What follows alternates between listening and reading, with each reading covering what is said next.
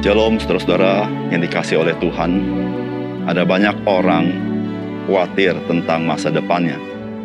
Namun sebagai orang percaya kita bersyukur masa depan kita ada di dalam tangan Tuhan. Karena dialah yang punya rencana yang agung dalam hidup kita. Dan oleh karena itu saudara, mari kita hidup menyenangkan hati dia. Dan kita hidup di dalam rencananya. Salam jumpa dalam program Tuhan adalah Gembalaku. Saudara melihat keadaan dunia saat ini dengan penderitaan di mana-mana. Maka tidak heran banyak orang bertanya, apakah Allah masih mengendalikan segala sesuatu? Jikalau Allah masih mengendalikan segala sesuatu, mengapa penderitaan itu dibiarkan saja? Saudara sebagai orang percaya, sulit bagi kita untuk mengatakan bahwa Allah tidak mengendalikan segala sesuatu. Karena iman kita mengatakan Allah mengendalikan segala sesuatu. Pertanyaannya adalah, bagaimana saya bisa tahu dan mengenal Allah yang seperti itu? Saudara kedatangan Yesus 2000 tahun yang lalu dengan misi penebusannya dari kayu salib. Memberikan penyataan kepada kita bahwa Allah dia mengendalikan sejarah bahwa Allah terlibat di dalam sejarah dan menjadi pemenang di dalam sejarah itu. Sehingga dengan demikian kita tidak perlu khawatir akan hidup kita. Mari kita membaca firman Tuhan yang terdapat di dalam Yohanes pasal 19 ayat 16 sampai 27. Akhirnya Pilatus menyerahkan Yesus kepada mereka untuk disalibkan mereka menerima Yesus. Sambil memikul salibnya, ia pergi keluar ke tempat yang bernama tempat tengkorak. Dalam bahasa Ibrani, Golgota. Dan di situ ia disalibkan mereka dan bersama-sama dengan dia disalibkan juga dua orang lain. Sebelah menyebelah, Yesus di tengah-tengah. Dan Pilatus menyuruh memasang juga tulisan di atas kayu salib itu bunyinya, Yesus orang Nazaret, raja orang Yahudi. Banyak orang Yahudi membaca tulisan itu sebab tempat di mana Yesus disalibkan letaknya dekat kota. Dan kata-kata itu tertulis dalam bahasa Ibrani, bahasa Latin, dan bahasa Yunani.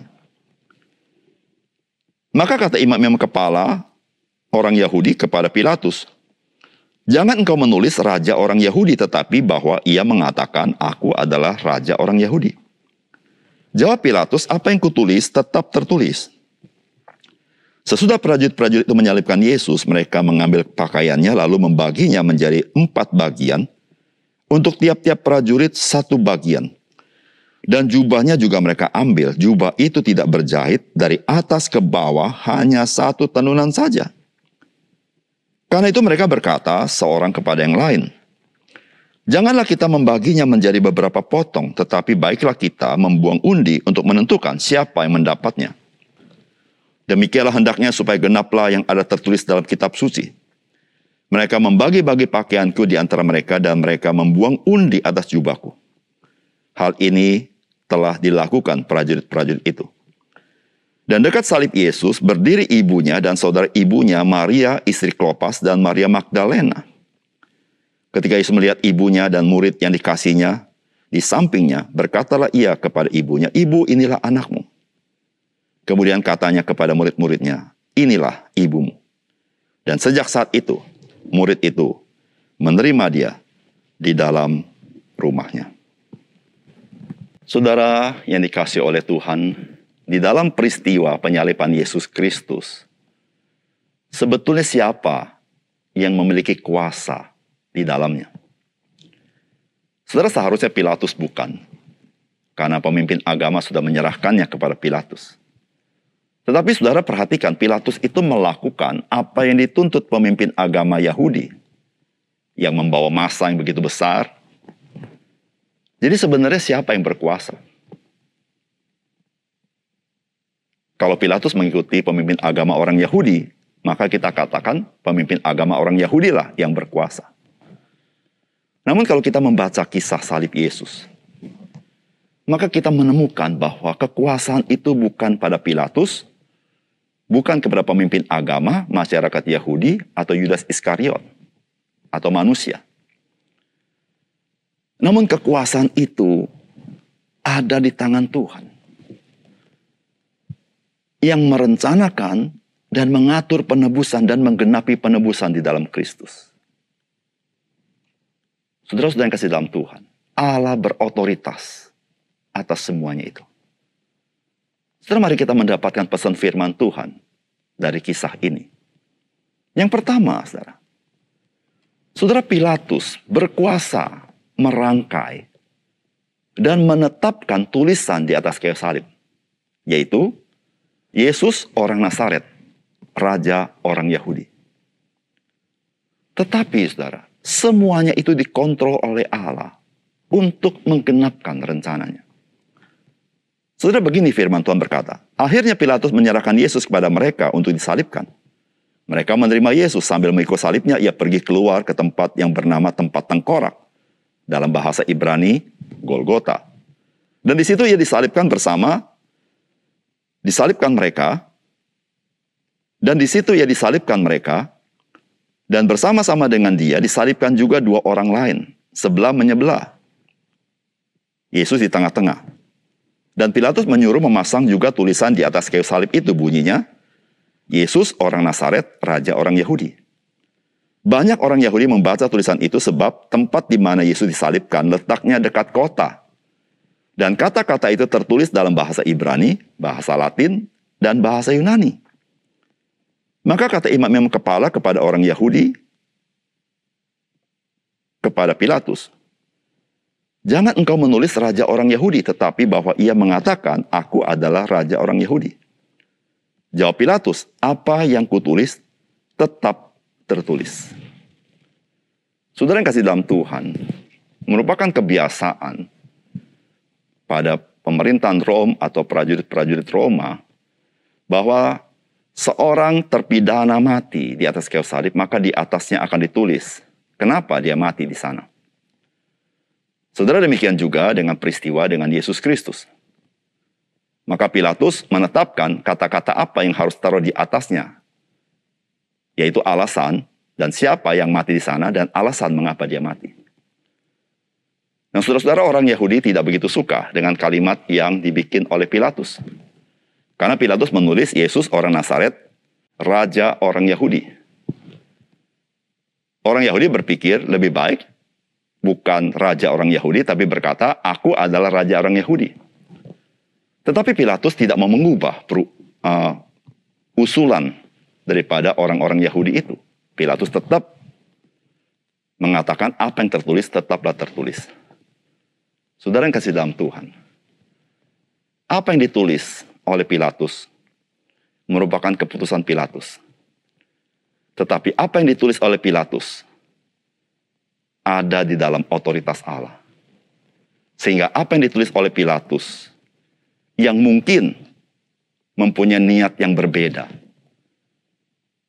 Kemungkinan Pilatus juga mau melecehkan orang-orang Yahudi dengan mengatakan inilah raja orang Yahudi mati di atas salib.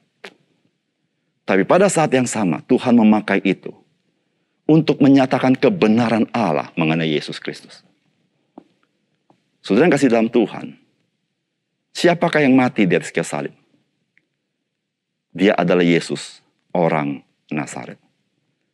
Saudara yang kasih dalam Tuhan, Yesus orang Nazaret memberitahukan, dia adalah keturunan dari Maria, orang Nazaret, yang suaminya adalah Yusuf. Yesus ini adalah Yesus yang di dalam sejarah. Dan dia yang mati adalah seorang manusia. Karena itulah yang Yesus lakukan. Dia mati sebagai manusia untuk menggantikan umat manusia yang berdosa. Sehingga dia yang benar menanggung orang berdosa. Sehingga orang berdosa ketika dia percaya, dia dibenarkan oleh Allah. Dan yang mati sesungguhnya adalah Yesus yang dari Nazaret itu. Bukan orang lain. Tapi bukan berhenti di sana. Siapa yang mati di salib? Maka kita berkata, dia adalah Raja orang Yahudi. Yang mati bukan yang lain. Tetapi raja orang Yahudi. Dia adalah Mesias. Saudara yang kasih dalam Tuhan. Pilatus bukan seorang beriman. Pilatus bukan orang Yahudi. Namun Pilatus dipakai Tuhan untuk mewartakan tentang siapakah yang mati di kayu salib. Dan luar biasanya, Pilatus menulisnya di dalam tiga bahasa. Yang pertama, yaitu bahasa Yahudi. Karena ada masyarakat Yahudi yang tinggal di tanah Palestina. Yang kedua adalah bahasa Latin. Sebuah bahasa yang dipakai secara resmi di dalam pemerintahan. Yang ketiga adalah bahasa Yunani, yaitu bahasa internasional.